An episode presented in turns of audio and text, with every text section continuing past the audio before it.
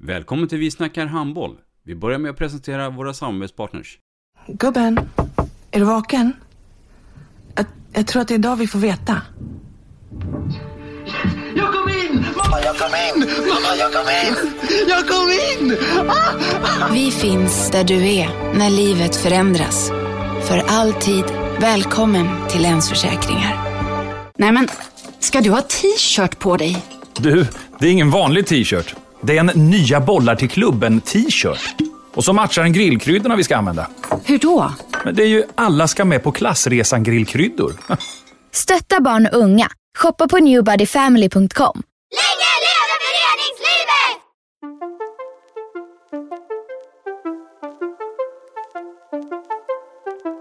Välkommen säger vi till dig som lyssnar till den nya handbollspodden Vi snackar handboll med Robban Z.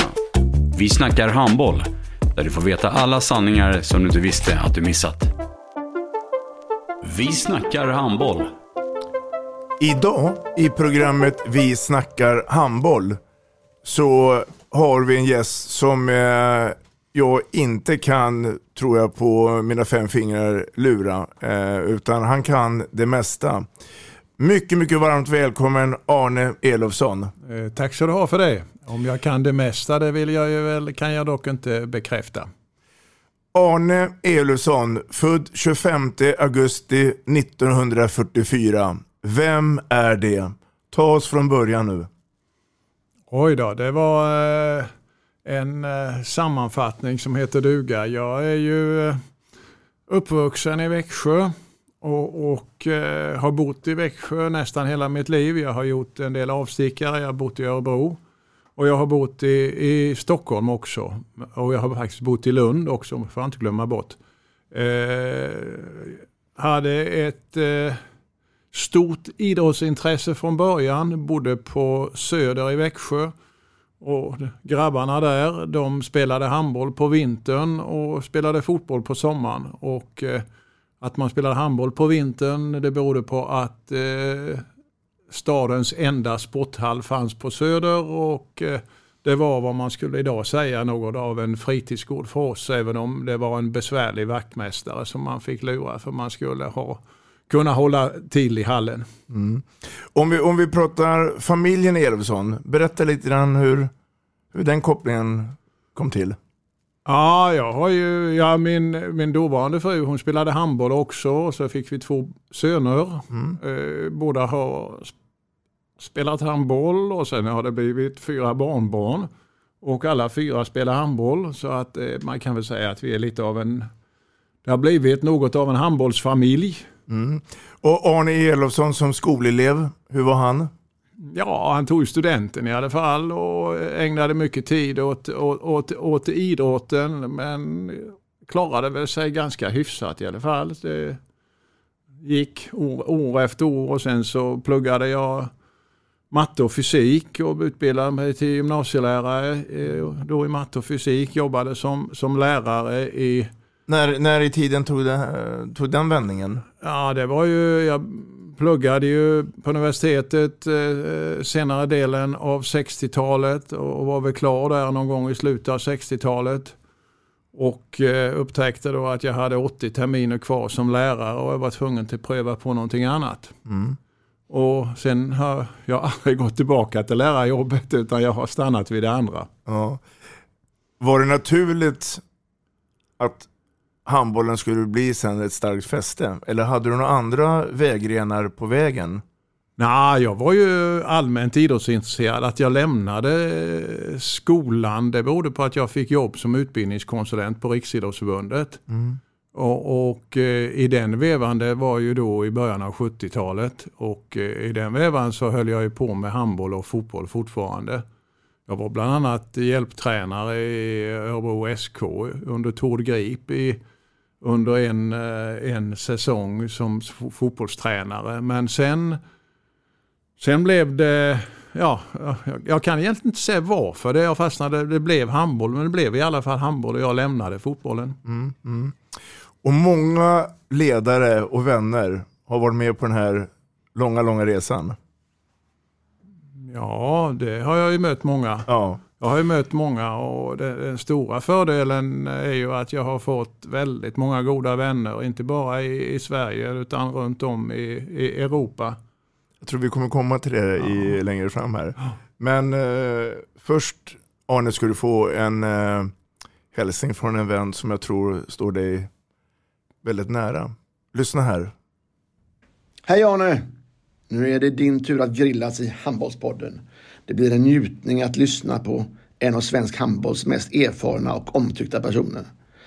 Du har verkligen gjort skillnad och engagerat dig oavsett om det varit i Växjö HF, Smålands handbollsförbund eller för den delen VD eller ordförande i Svenska handbollsförbundet, vice ordförande i Europeiska handbollsförbundet, ledamot i Internationella handbollsförbundet eller de otaliga uppdragen i många viktiga kommittéarbeten.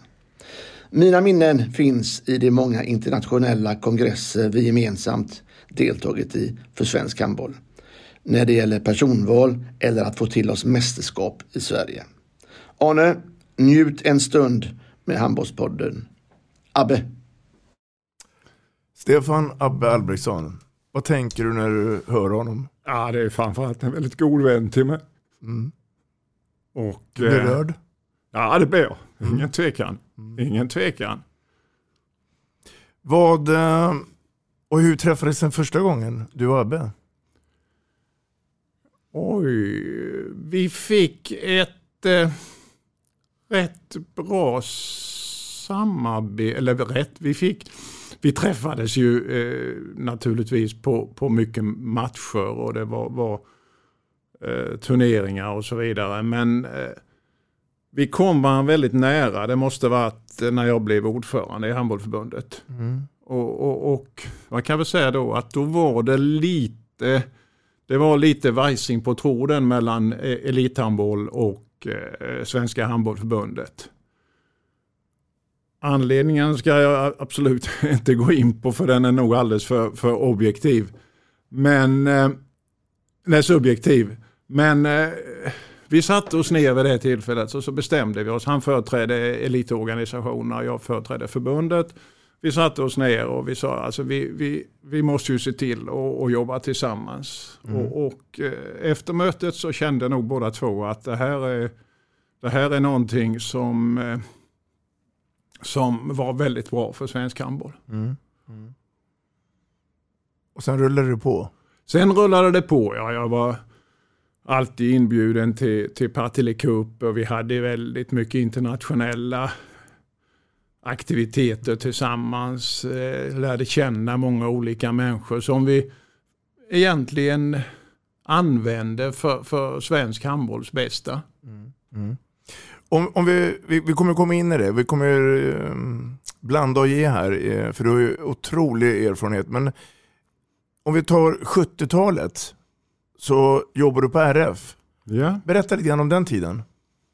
Ja, det var, en, eh, det var en väldigt rolig tid och framförallt så tror jag den betyder väldigt mycket för mig och mitt fortsatta idrottsengagemang. Eller mitt fortsatta idrottsledarskap. Eh, vi var tio stycken som näm- utnämndes till utbildningskonsulenter. Det var Riksidrottsförbundet tillsammans med staten, eller staten hade haft en, en idrottsutredning och eh, då bestämde man sig för att man skulle satsa på ledarutbildning. Mm. Och eh, eh, man tillsatte tio utbildningskonsulenter spridda över landet. Jag hamnade i Örebro, i Närke och, och, och Värmland. Och eh, det var ett eh, väldigt gott gäng under en stark, stark ledning på, på Riksidrottsförbundet. Och det var väldigt mycket utveckling och det var väldigt mycket dynamik i, i, i arbetet. Och var du tungjobbat? Ja, det var ju, det var ju inte ett eh, 8 till 5 jobb eller det var ju inte ett lärarjobb som man, där man gick till sina lektioner utan det var ju mycket kvällsjobb, mycket kontakter. Mycket möten? Mycket möten, ja. Och, och mycket arbete däremellan. Skrev till exempel viss kompendier för, för ledarutbildning. Jag skrev eh, skrev en hel del faktiskt. Eh, eh, jobbade med ett eh, förlag som, som sen tryckte, tryckte material. Ja, jag lärde mig oerhört mycket. Mm, mm. Vad, vad, eh, för du var där en, rätt lång tid? Ja, jag var där egentligen jag var där egentligen hela 70-talet. Det började som utbildningskonsulent i, i Örebro och sen så blev jag utbildningssekreterare på centralkansliet här i Stockholm och sen så var jag, slutade jag som idrottschef. Och parallellt då, höll du på med handbollen också då? Ja, jag började med, jag var faktiskt eh, mitt första min första verksamhetskonferens eller årsmöte med Handbollförbundet det var 1974. Mm. Så att jag, och då fick, hade jag, eh, eftersom jag jobbade med utbildning och Evald Fridén och Lasse Edvinsson, två verkliga profiler inom svensk handboll, de eh, lärde jag känna rätt väl faktiskt. Och Evald ville jag skulle vara med i utbildningskommittén, vilket jag tyckte var trevligt. Och, mm. och, sen eh, kom jag mer och mer, eh, eller närmare och närmare eh, handbollförbundet och, och dess verksamhet. Mm. Mm. Vi kliver in i ett nytt eh, tal, jag tänker på 80-talet. Då hamnar vi lite grann inom landstinget mm. och en hel del sjukvårdsfrågor. Hur kan vi hamna på det spåret helt plötsligt? Ja, det... Eh, man... Eh, ja, det var väl egentligen så här det började. Det var, de ville, jag, hade, jag var sugen på att flytta hem till Växjö och hade av olika, olika skäl så, så drev det mig tillbaka eh, till Växjö. Det var ena och sen var det någon, någon, på landstinget som, som ville att jag skulle vara med och göra en satsning som frisk, inom friskvården inom landstinget. Mm. Vilket jag gjorde där under några år. Men eh, sen blev jag, var det stort, eh, byggde man om Växjö lasarett och då blev jag projektledare ganska snabbt. Eh, snabbt där. Administrativ projektledare för lasarettsbygget. Det var ett stort bygge på den tiden, 900 miljoner. Det var ju mycket i början av, början av 80-talet. Och eh, sen blev jag också, var jag också informationschef på, på landstinget. Mm, mm. Så det, det, det liksom och, och, det har kommit på mig bara det, och jag har ju varit, haft svårt för att säga nej när jag har fått, eh, blivit, eh, fått möjlighet att jobba med vad jag tyckte var spännande och intressanta och utmanande saker. Och, och, och de alla åren med landstinget då, var det också typ 7-24, att det var jobb hela tiden? Eller kunde du gå hem klockan 16 och säga nu släpper jag det här? Ja, det var ju mer ett, det var ju ett mer ett, eh, ett, ett eh, ska vi säga normalt, normalt ja. jobb. Det var det. Det var ingen tvekan om det. Så att, eh, mm. Jag var ju dessutom då tränare för Växjö HFs herrlag under de där åren i fem, fem år tror jag. Mm. Mm. Du, ja, ehm, och där gick vi faktiskt, vi, vi gick till elitseriekval heter det nog på den tiden. Ja. Och vi hade, vilket jag tyckte vi har ett, um, som jag är stolt över, det var ju 12 spelare kan man säga i laget på den tiden. Och vi var 11 från Växjö och en invärvad målvakt från Guif. Och det är inte många som gör det idag. Nej. Vi kommer nog att prata en del Växjö HF modern tid, alltså 2022. Många känner till, många känner inte till ett namn som jag tänker berätta för dig alldeles strax här i Vi snackar handboll. Stig Gustafsson. Berätta lite grann vem den herren var. För han finns ju tyvärr inte med oss längre. Nej, det var ju många år sedan han eh, gick bort och, och eh, han var ju på den tiden den genuine tjänstemannen, den lojale tjänstemannen och som hade ett enormt stort eh, handbollshjärta. Och som eh, ju egentligen eh, vigde sitt liv för, för handbollen och det var ju hans, ett av hans stora intressen. Han var ju också faktiskt väldigt allmänbildad och han var väldigt, eh, han var språkligt kunnig och så att det var inte bara handboll i Stigs liv men det var handboll som var det primära. Sen eh, blev han ju eh, så många sådana där som, som eh, så blev han ju lite egen och hade, hade li, lite kommentarer eh, kommentarer som, som ju... Retade folk eller? Nej, nej han var en nej. mycket vänlig man. Ja. Han var en mycket vänlig man. Eh, så att, eh, däremot så blev han väl lite, men det tog han inte illa upp, han blev väl själv kanske lite retad för sina, eller påmind om sina, jag ska inte säga retad, det är fel, men han blev påmind om sina egenheter. Mm. eh, vid, vid ett otal tillfällen. Och, och det var hans närmaste kompisar, bland annat Staffan Holmqvist som då var ordförande under hans tid. Han tyckte det var väldigt roligt att, att prata med Stig om, Stig om det här. Så att, eh, och jag eh, kom ju in då, eh, var ju lite mer kan man väl säga i efterhand utåtriktad än vad Stig var. Stig var vid sin skrivmaskin och sin Typex och så vidare. Eh, det var ju han. Jag var ju lite mer gillade att träffa folk och så vidare. Så jag fick eh, ta, kan man väl säga, ta hand väldigt mycket om landslagen. Jag var ordförande i eh, elitkommittén hette det något år eller någon period och landslagskommittén och hade mycket, mycket kontakter med Stig och planerade landslagsverksamheten och mycket kontakter med, med olika nations, eh, nationsförbund och deras internationella verksamhet. Mm, mm.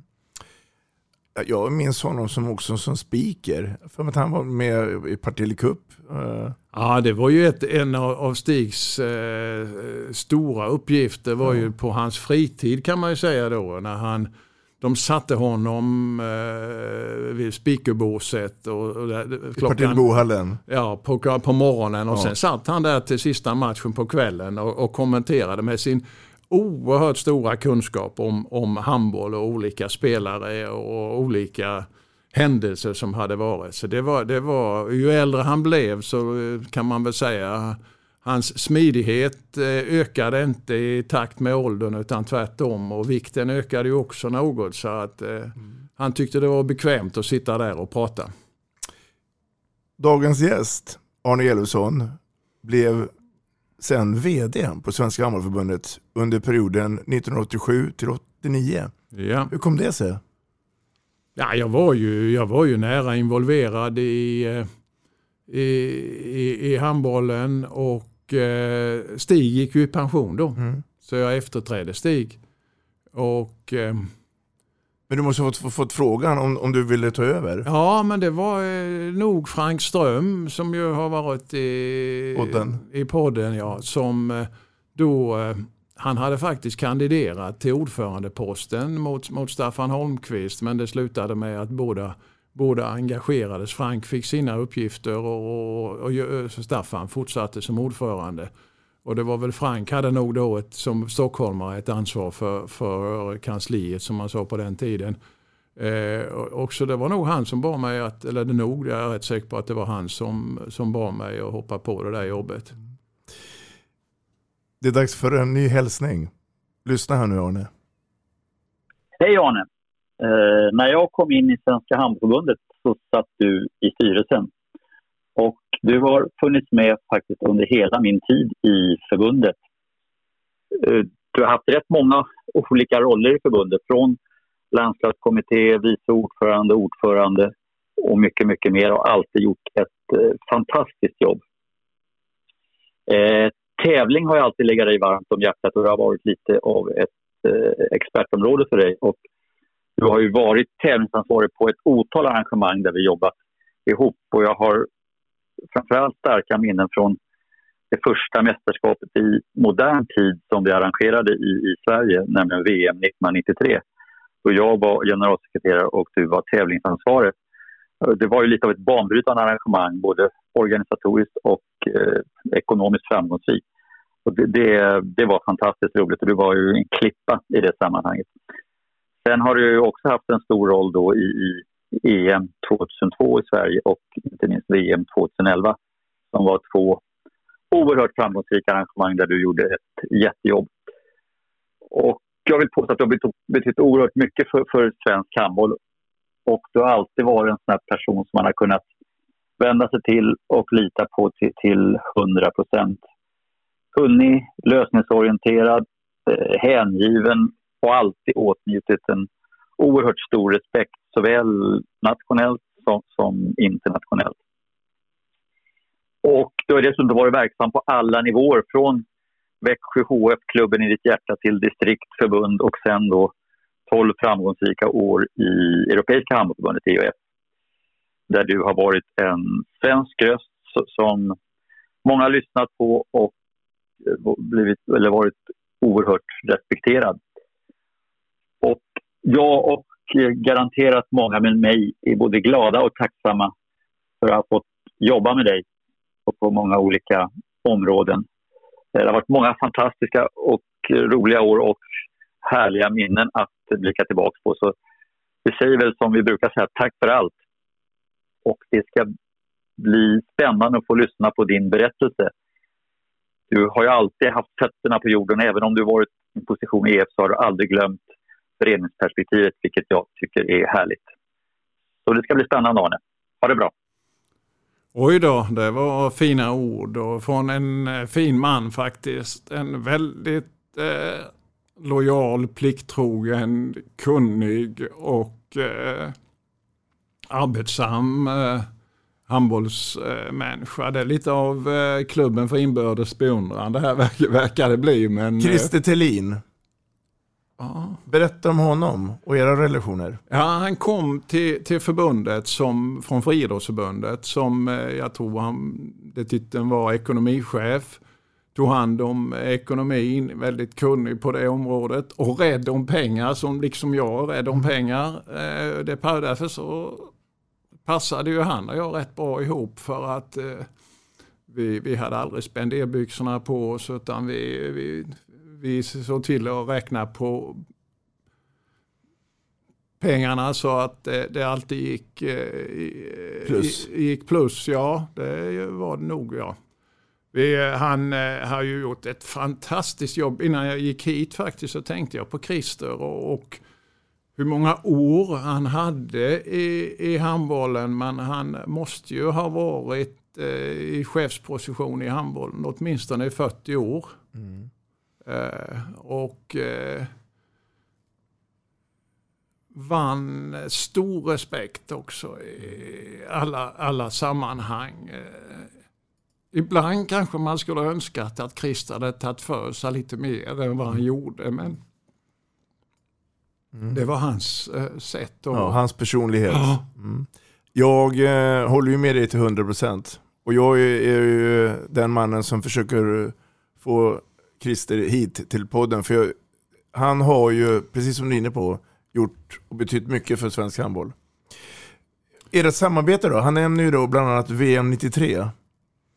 Uh, och vi har pratat om det lite grann tidigare också. Det är ju egentligen det första stora mästerskapet. Sen rullar det på. Men om vi tar det, den händelsen, 93, och VM på hemmaplan. Ja, det var, ju- det var ju en, eh, en oerhört stor grej för både Christer och mig. Det är ingen tvekan, tvekan om det. Vi hamnade ju helt plötsligt i handbollsvärldens eh, fokus och skulle göra ett, eh, göra ett bra mästerskap. Och eh, det var ju ingen tvekan om utan att det var ett, ett framgångsrikt, eh, framgångsrikt mästerskap. Jag lärde mig oerhört mycket. Han lärde sig säkert också, också mycket. Vi eh, hade inte alltid det helt enkelt för det var, var må- många nya barriärer som skulle eh, passeras och lösas. eh, Men det var, ja, det, var, det var ett utvecklande projekt, det är ingen tvekan om det. Och det var ju fördel, fördelaktigt för Svenska handbollsförbundet också eftersom det blev sportsliga framgångar och ekonomiska framgångar. Mm. Arne, det finns ju idag 24 stycken lokala radiostationer. Jag vet ju att många, till och med Christer, har ju hört den ljuva rösten i radio när man passerar genom den regionen. Och nu kommer ju frågan här. Arne Elofsson på Radio Kronoberg. Är vi på väg att byta helt inriktning nu i livet? Nej, det, det tror jag inte. Det tror jag inte. Det, det, var, det var lite komiskt. Jag blev ju som handbollstränare då och VKHF var ju, var ju en stark förening. Det var väl den föreningen efter Öster i Växjö och hade en stark position och hade en eh, intensiv bevakning. Bevakning av de lokala medierna och vid något tillfälle så sa jag till eh, det var nog till lokalradiochefen att fan de är för dåliga de där reportrarna ni har. Det, det, det, det skulle kunna vara enkelt att göra mycket bättre. Någonting det, man sticker ut ibland som man sen kanske ångrar. Men och, så ringde han upp mig och bad att jag skulle komma och, och göra lite eh, sportreportage då. Mm. Vilket jag gjorde något, eh, något år där och var programledare för de här eh, lo lokalradiosporten som var klockan mellan fem och sex tror jag det var på, på söndag eftermiddagarna. Ja, och sen blev jag tillfrågad att jobba heltid med, med nyheter för jag var ju, alltså sportjournalistiken eh, det har egentligen, ja, det har varit en, en smal nisch för mig. Ja, min, utifrån min, min, min karaktär och mina värderingar. Men däremot så har jag varit väldigt allmänt, allmänt Bildad. samhällsintresserad. Mm. Så att jag, jag, jag jobbade ju något år där på, på nyhetsredaktionen och sen blev jag nyhetschef, nyhetschef i, i ett antal år. Mm. Familjen El Elofsson, där finns en hel del idrott. Du har ju en bror också. Mm. Sven heter ja, han. Berätta lite grann. För han har ju också, och håller väl på fortfarande med idrotten? Ska jag berätta om Sven? Ja, kort. Kort, ja, vi är ju för det första så är vi ju helt olika människor. Vi är ju helt olika. Det, vi finns, det finns egentligen inte många likheter mellan Sven och mig. Om jag har prövat på det mesta, eller mycket här i livet, så har han egentligen bara prövat på en sak. Han fick fast anställning på, på sportredaktionen på Smålandsposten när han, innan han ryckte in i lumpen och han var kvar där till han som 67-åring gick i, pan, i pension. Mm. Och är ju en, en profil vill jag säga i Växjö som alla känner och, och, och, och han känner alla. Mm. Och du med? Ja, jag känner ju rätt många också i sig. Vad tar man med sig från den tiden då? Att, att vara chef på en radiostation? Ja, man, man eh, får ju erfarenhet från media, mediajobbet. Eh, det är ju ingen, ingen tvekan om man får, har ju fått lära sig hur, hur mediavärlden eh, tänker och fungerar. Mm. Med goda och mindre goda. Det är som alla, my, alla mynt, det har en fram och en baksida. Mm. Mm. Vi var inne på det i början av programmet, men jag tänkte vi skulle backa tillbaka lite grann. Du eh, har ju spelat handboll. Och du har också Ja. tränat handboll. Jaha. Eh, framförallt kanske då under den tiden 60 och 70-talet där. Hur, var, hur bra var du som spelare? Och hur bra skulle du kunna bli om du la ännu mer energi? Eller kände du att det- det kom någon form av begränsning? Och då tog det slut?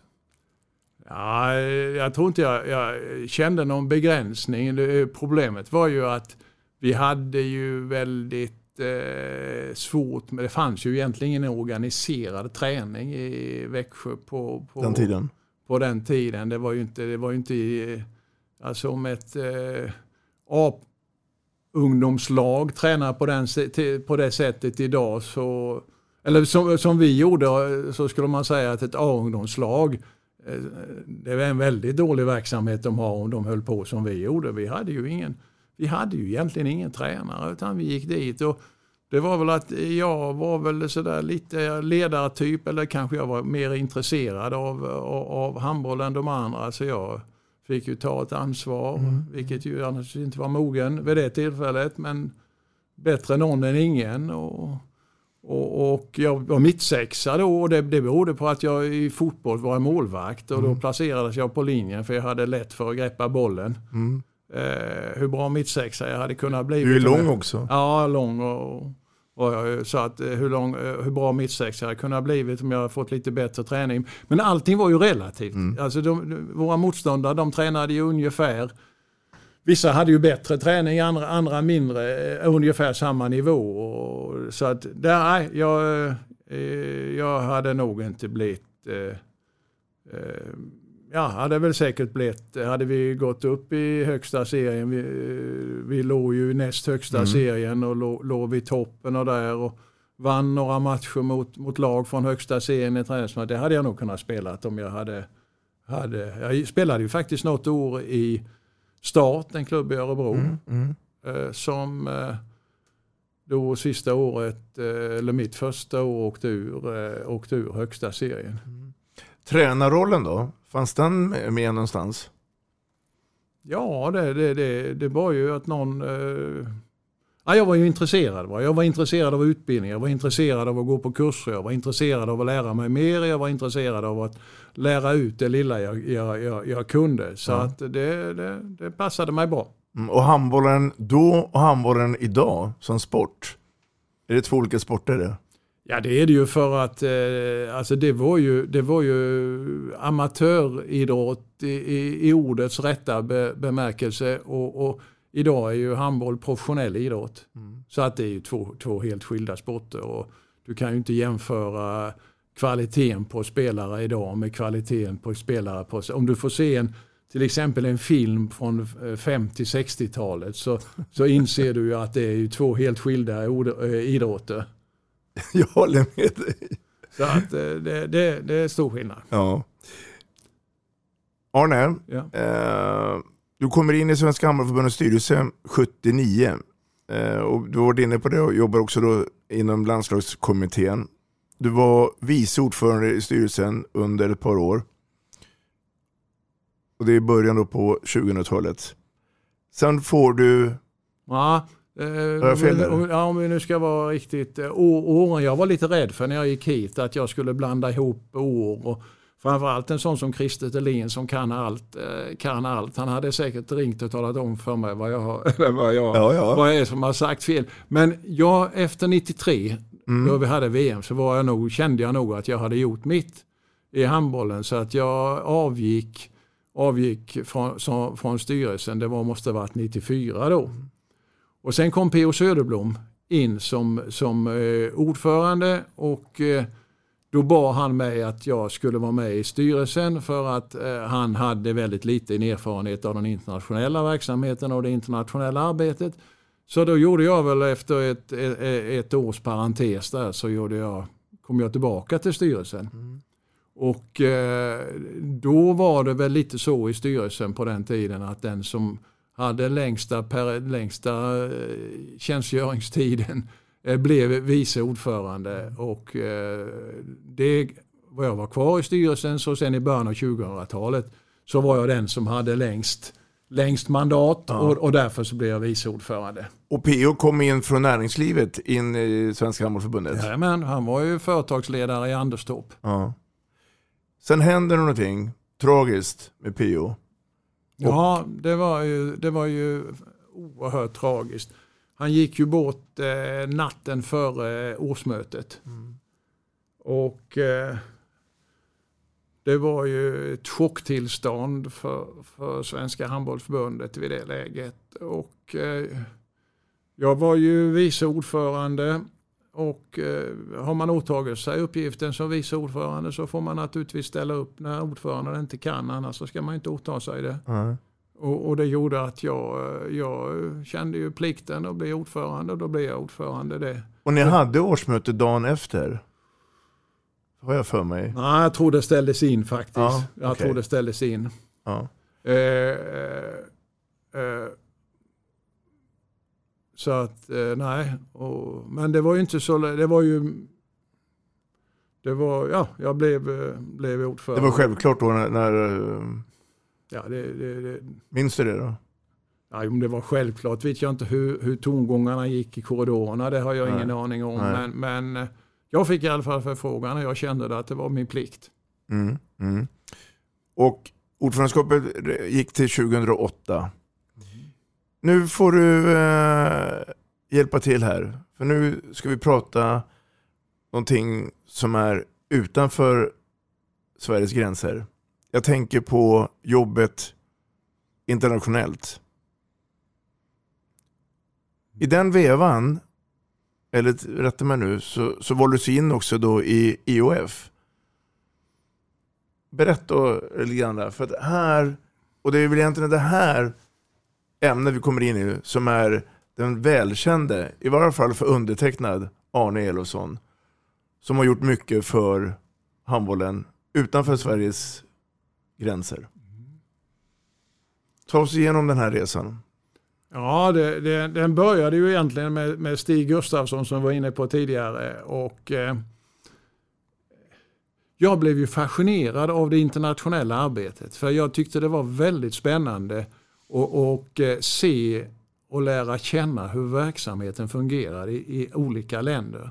Och jag blev också väldigt eh, fascinerad av att se hur samhället fungerade i olika länder. Jag kom ju från min lilla värld i Växjö och eh, delvis, del, delvis Stockholm men i ett eh, europeiskt perspektiv så är det en ganska liten värld. Och fick, fick oerhört många intryck, fick oerhört mycket kontakt och gjorde, alltid, gjorde väldigt mycket för att ta reda på så mycket som möjligt om, om eh, hur, världen, eller hur Europa, hur länderna fungerade runt, runt omkring oss. Och var väldigt intresserad och fick mycket, fick mycket kontakter eh, och blev, eh, blev då i, i början av eller slutet av 90-talet så blev jag då delegat. Satt vid bordet på matcher. Det var egentligen inte en uppgift som passade mig speciellt speciellt, eh, speciellt bra. Men jag var det några år. Jag lärde känna ännu mer, ännu fler människor och eh, eh vi hade haft eh,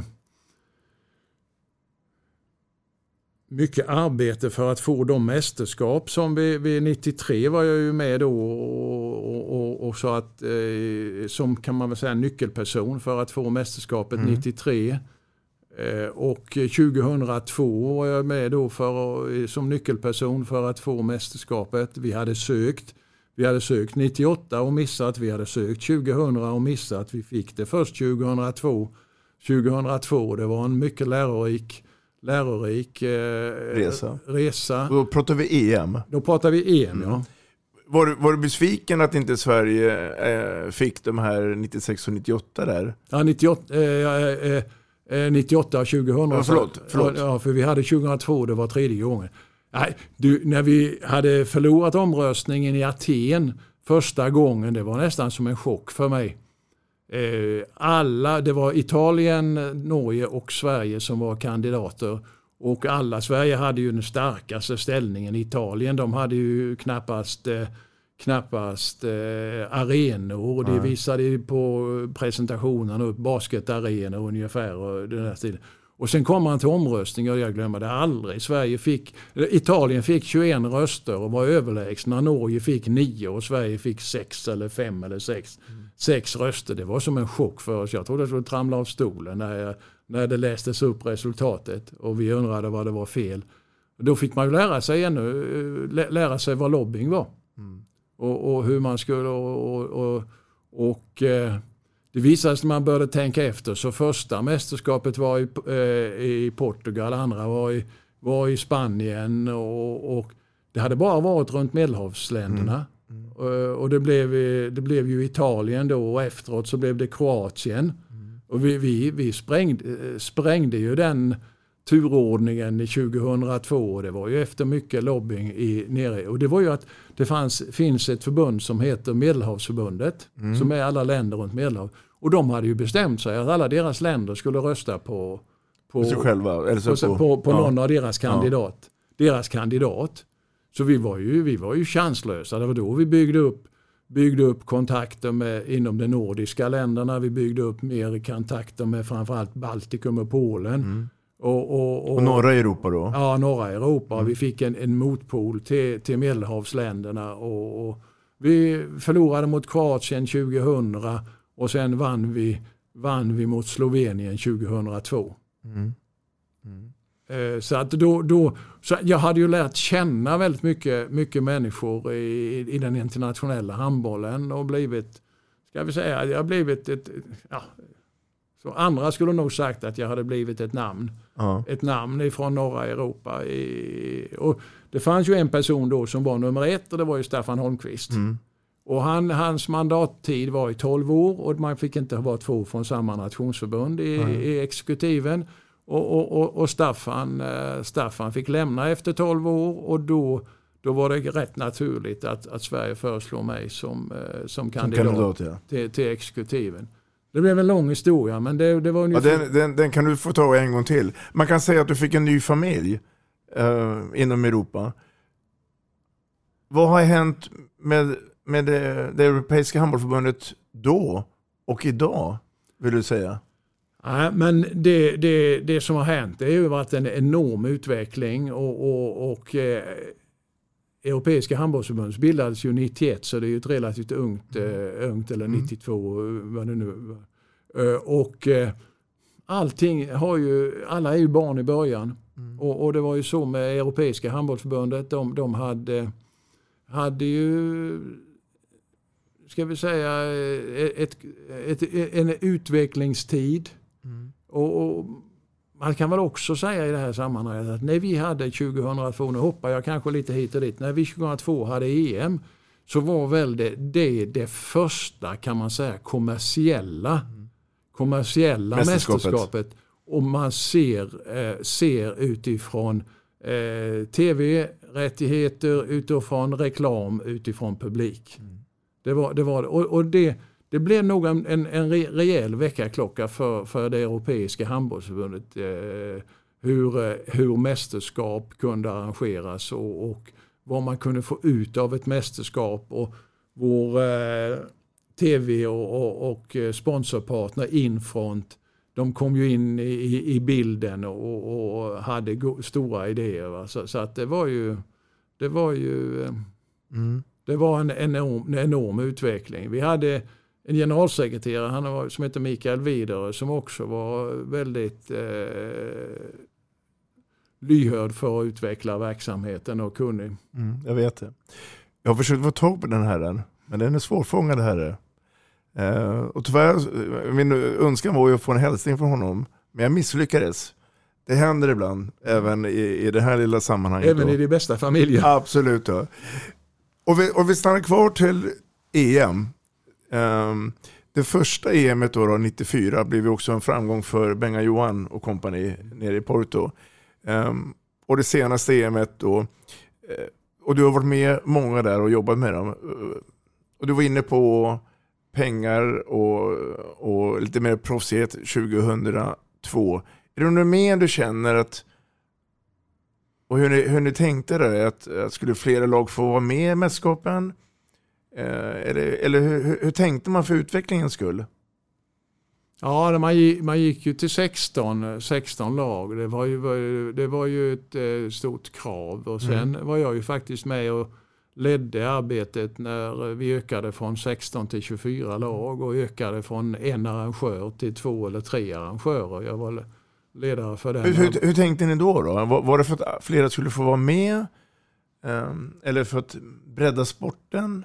Nej, det var, det var eh, framförallt så var det det att det fanns bara eh, två nationer som skulle kunna arrangera eh, ett, ett EM själva och det var Tyskland och Frankrike. Mm. De skulle, och det var ju inte någon bra framtid att bara Tyskland och Frankrike skulle arrangera alla. Så då, var man, då, då sa vi att vi måste ha fler, fler som, och du kan, man kan ju tänka sig att, att mindre länder då, de skulle aldrig ha en chans att överhuvudtaget få, eh, få stå med bland, bland arrangörerna. Eh, och, och, och därför så var ju lite av tanken då, det var ju att ett, en, ett relativt stort land tillsammans med något grannland skulle kunna arrangera och, och, och så vidare. Och det skulle ju ge, ge möjlighet för, för fler länder att vara med och arrangera. Plus att kvaliteten på de, eh, kvaliteten på de, eh, de eh, europeiska lagen blev ju bättre och bättre. Menar, det var ju faktiskt så att Island slog ut Sverige i ett kval och Mm. Sverige eh, kvalade inte i något mästerskap. Eh, och, och det gav ju en väldig propaganda för de länder som var med i, i, i ett EM. Och de här fick då tv-bevakning på ett helt annat sätt än vad de hade haft tidigare. Så att det, var, det var väl framförallt fler länder skulle få, med, få, få vara med och arrangera och ges möjlighet att arrangera. Plus att det gav ju också då mer publik med fler hemmanationer. När, när du satt på de här eh, styrelsemötena då, eh, sitter man då och sneglar på de andra idrotterna, jag tänker på Europeiska fotbollförbundet, hur de jobbar, eller, eller kände ni att vi, vi, vi kör vårt race och de får köra sitt race? Nej men vi, man lyssnar ju och framförallt så hade vi ju eh, ledningen då när jag var med i ledningen av Europeiska förbundet som vice ordförande så hade vi ju överläggningar. Vi hade, det fanns en grupp som de, de europeiska eh, europeiska bollsportförbunden, fotboll, handboll, ishockey, basket, volleyboll. Mm. som, som hade årliga sittningar med lite erfarenhetsutbyte, strategiutbyte och hur man skulle kunna stärka, stärka idrotten. Det, var, jag, det kanske inte var varje år men det var, det var, det var, det var något återkommande. Mm. Champions League. Mm. är häftigt. Ja, det blev häftigt. Det blev Roligt. häftigt. Och kostsamt kanske för klubbar. Berätta lite om Champions League och, och, och tankarna där, när det drogs igång. Ja, nej, nej, det, det fanns ju eh, Europamästerskap för klubblag. Det har ju funnits sedan 50-talet säkert. Eh, när Ebbeslied vann eh, eh, ett, eh, ett år. Men det utvecklades ju framförallt under, under 2000. Och det var ju också med, med tv, tv, att tv kom med och man fick tv-pengar och, och klubbarna, eh, klubbarna fick eh, möjlighet Mm. att få mer pengar. Alla, fick inte mer, alla tjänade inte mer pengar som du säger, men det var de som gjorde det. Men det, det, det fanns ju också sidoeffekter att alla ville ju vara med i Champions League. Det var ju en fight utan like för att komma med i Champions League. Och även om det kanske för några eh, blev ett, ett eh, minusspel ekonomiskt så hade det så många andra fördelar för klubbarna att, eh, att de, de var med. Så att de var väldigt intresserade. Och vi hade ju en period då som det var i fotboll var det väl förra året när, när eh, 12, de tolv 12 största klubbarna eh, ville bryta sig loss. Och vi hade många och långa överläggningar med klubbarna innan vi kom överens om att, att satsa gemensamt istället.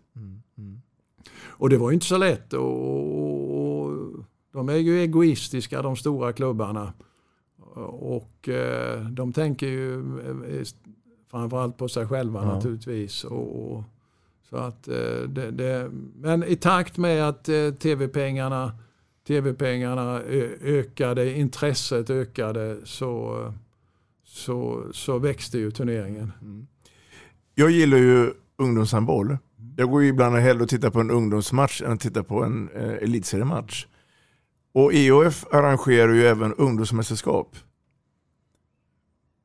U20 eller U18 eller U17 eller allt vad det heter. Ligger det varmt om hjärtat för dig också att vara med på de olika mästerskapen eh, även på, ungdom, på ungdomssidan? Ja, jag har ju varit med på, på väldigt många och jag har ju varit väldigt, eh, väldigt eh, intresserad och försökt att och, och, och vara med utifrån mina, min uppfattning och mina värderingar och, och, och skapa eh, så bra ungdomsmästerskap som möjligt och, vidga ungdoms, ungdomsmästerskapen och, hitta vettiga, inte minst vettiga ekonomiska former för, för ungdomsmästerskapen. Och då kommer vi in på den här goda vännen Abbe. Ja. Jag säger European Open. Vad tänker du då på? Nej, men det är ju en, eh, det är ju en eh, fantastisk turnering. Det är en fantastisk turnering eh, som ligger perfekt i Partille Cup.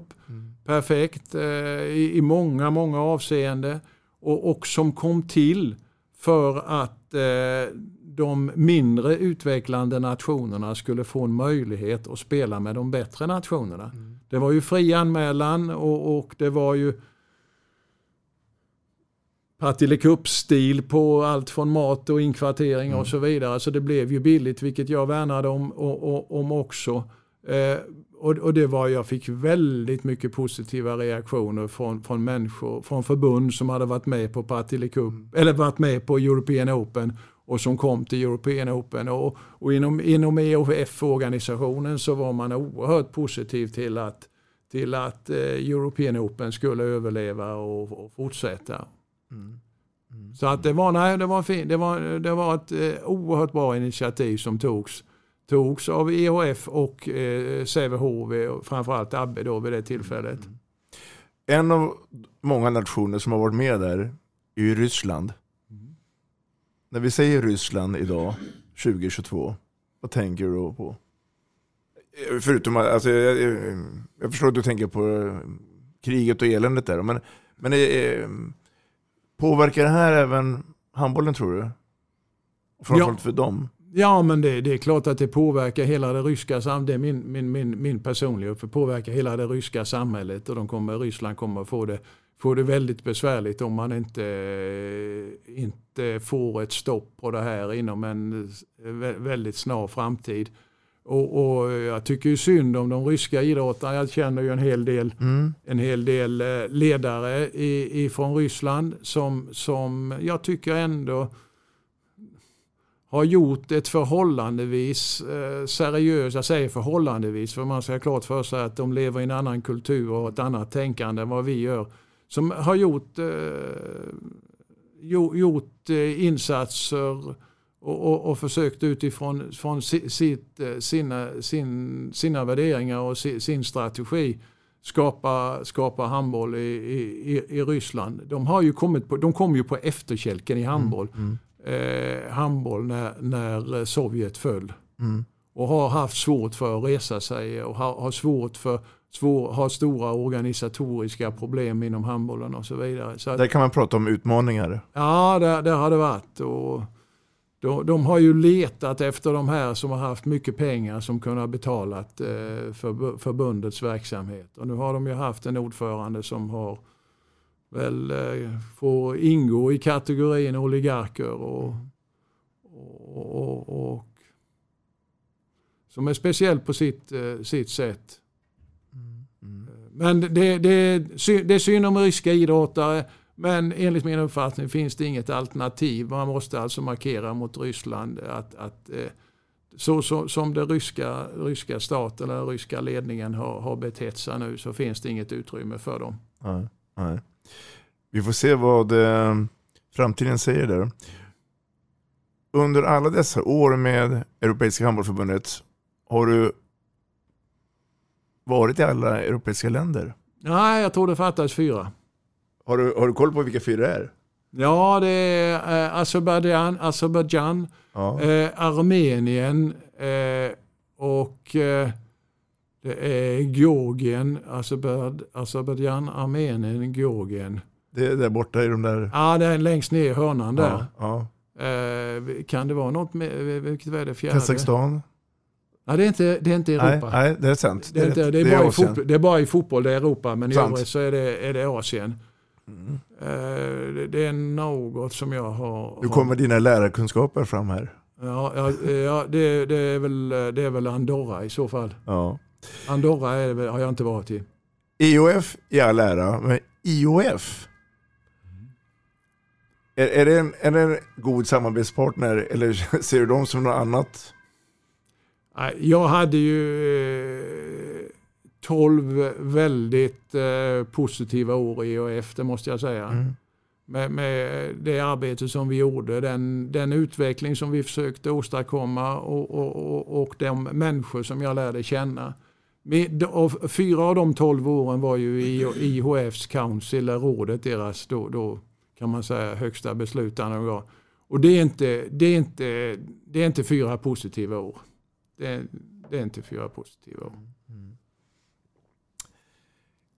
Jag tror att vi ska ha en eh, hälsning eh, från en vän till dig. Som... Eh, jag blir riktigt rörd av alla ja. de här hälsningarna jag får. Lyssna här nu Arne. Ja, hej Arne. Du och jag har ju känt varandra i snart 50 år. Och första gången var ju i Örebro-tiden då när du var idrottskonsulent. Och, och eh, det var 72 när vi kom till Örebro. Och sen hade vi ju lite jobb ihop i det första jämställdhetsjobbet eh, eh inom RF i brudgruppen. Men du, du försvann därifrån väldigt snabbt för du har ju alltid gått vidare till olika arbetsuppgifter och jobb och sådär. Men handbollen har ju alltid funnits där för dig. Och så när jag kom 85 in i styrelsen i handbollsförbundet så var du där. Och sen har vi ju följt varandra i många uppdrag inom handbollen. Och eh, både Sverige och internationellt.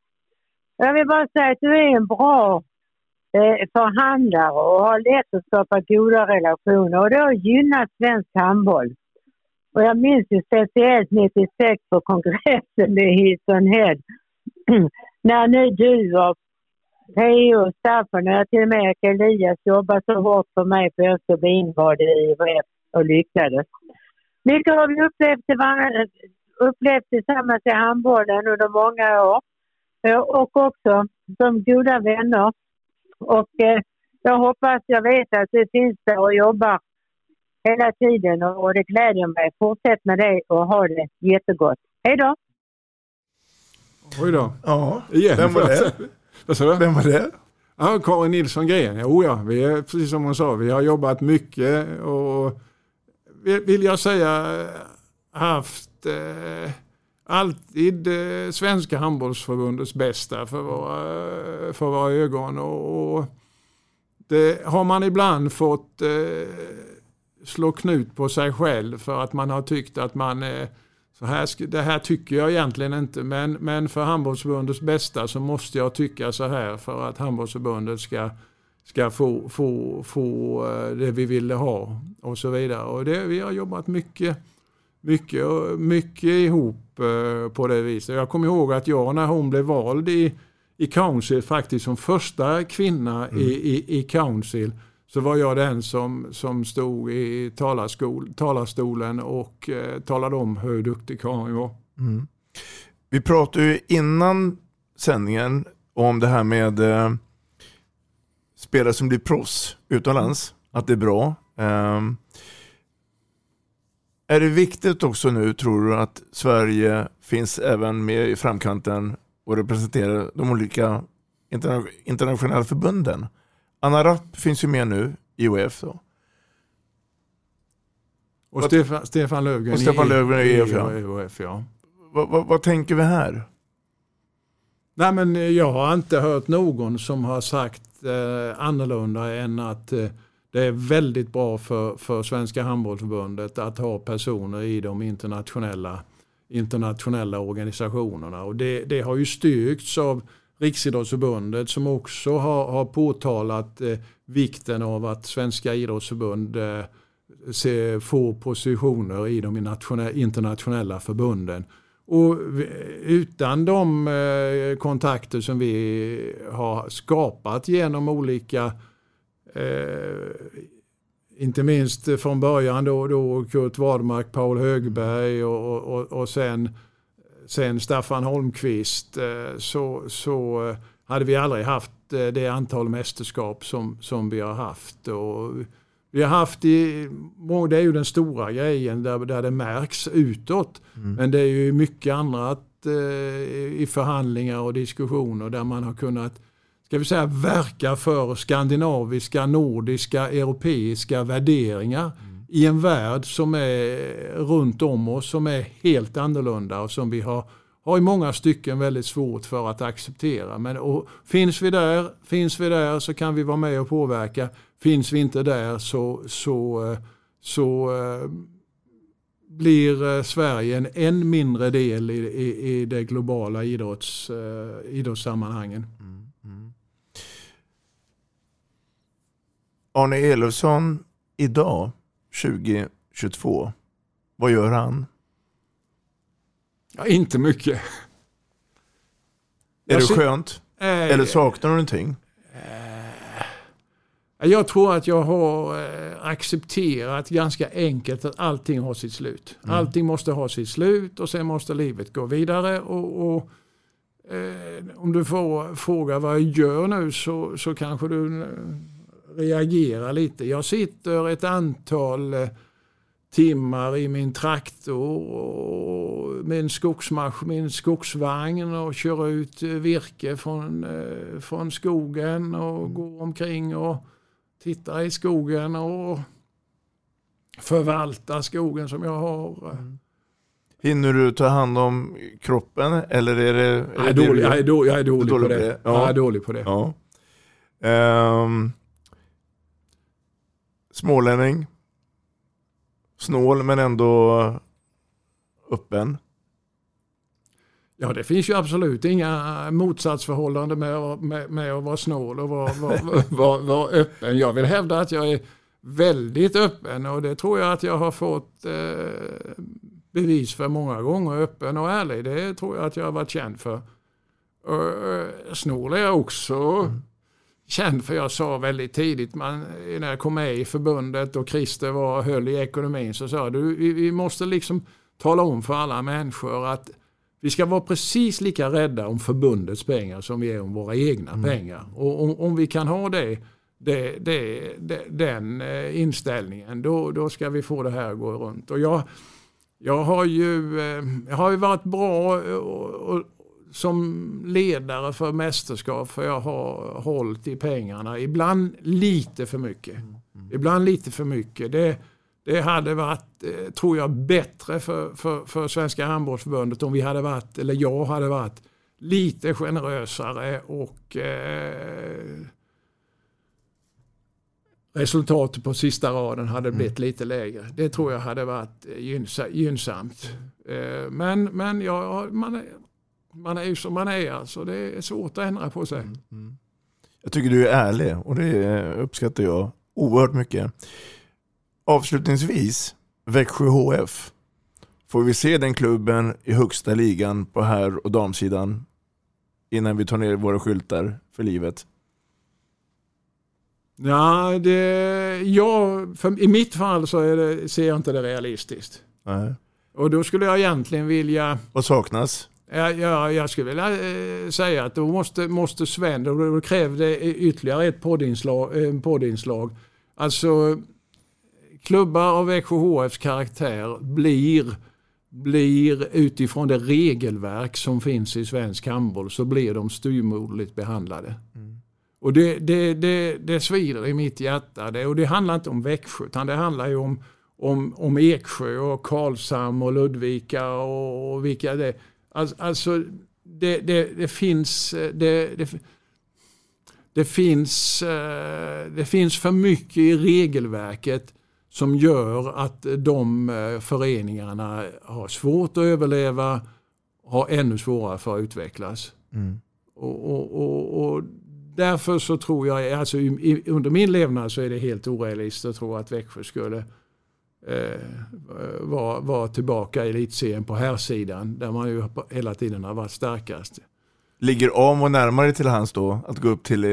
Oh ja, oh ja, det gör de ju. Det gör de ju. Men det är ju två helt skilda föreningar. Ja. Det är ju två helt skilda föreningar. De gör det väldigt bra på sitt sätt. Och Växjö de knegar på med sina ungdomar och så fort det kommer fram någon, Elliot Stenman nu den senaste, så, så eh, innan de får inte ens eh, spela i juniorlaget i Växjö förrän de ska, ska bort. Mm. Mm. Och det har jag i, alltså eh, när talanger som Elliot Stenman går vidare tidigt. Det har jag absolut inget emot för det, där är ju en potential.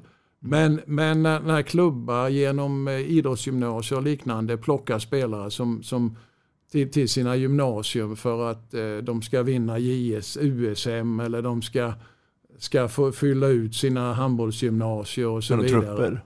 Mm. Ja, då, då, då, då är man på fel väg. Mm. Eller för, då är då är förbundets verksamhet på fel väg. Mm. Det internationella handbollsförbundet har ju också en stark person i Dr. Hassan. Arne, vad, vad, vad är dina relationer med honom? Eller era? Ja, vår relation är ju inte, är ju inte den bästa. Uh, han uh, har ju uttryckligen sagt till mig att you were my friend but you are not my friend anymore. Varför då? Varför säger han så? Ja, han har ju också sagt att det beror ju på att jag har sagt saker och ting som inte han har uppskattat. Mm. Och eh, det tycker jag man måste, jag har ju också röstat eh, mot, röstat nej och det, det, har, man, det, det har han haft svårt för att kritisera för han ställer ju frågan om någon är emot och då har jag räckt upp handen. Och det, vid några tillfällen, inte många, men vid några tillfällen och, och sen så har det blivit så. Men det är no, några andra, i några andra sammanhang som han har tyckt att jag har uttryckt mig ofördelaktigt om honom. Är, är det något mer du saknar i hans ledarskap? Uh, alltså, är en entreprenör en inspiratör eller hur, hur är han, skulle du vilja påstå?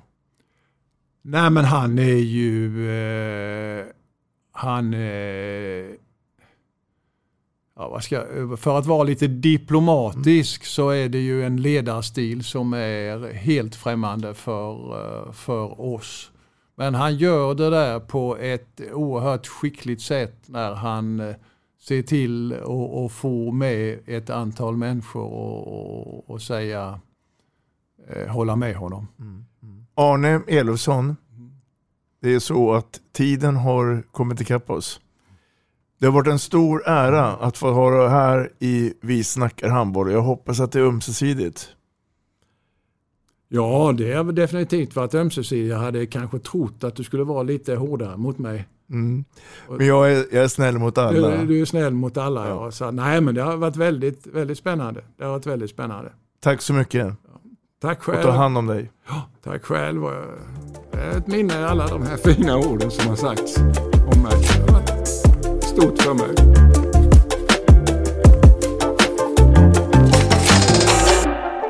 Vi snackar handboll, där du får veta alla sanningar som du inte visste att du missat. Vi snackar handboll. Vi snackar handboll produceras av produktionsbolaget High On Experience, från vision till passion. Ett avslutande tack till våra samarbetspartners. Hallå! Kommer ni eller? Ja, ja. Har du sett mina ankelsockar? De här? Nej, nej, jag menar skridskoslip till juniorlaget Ankelsockarna. Ja, men kolla bredvid träningsläger med handbollstjejerna-t-shirtarna.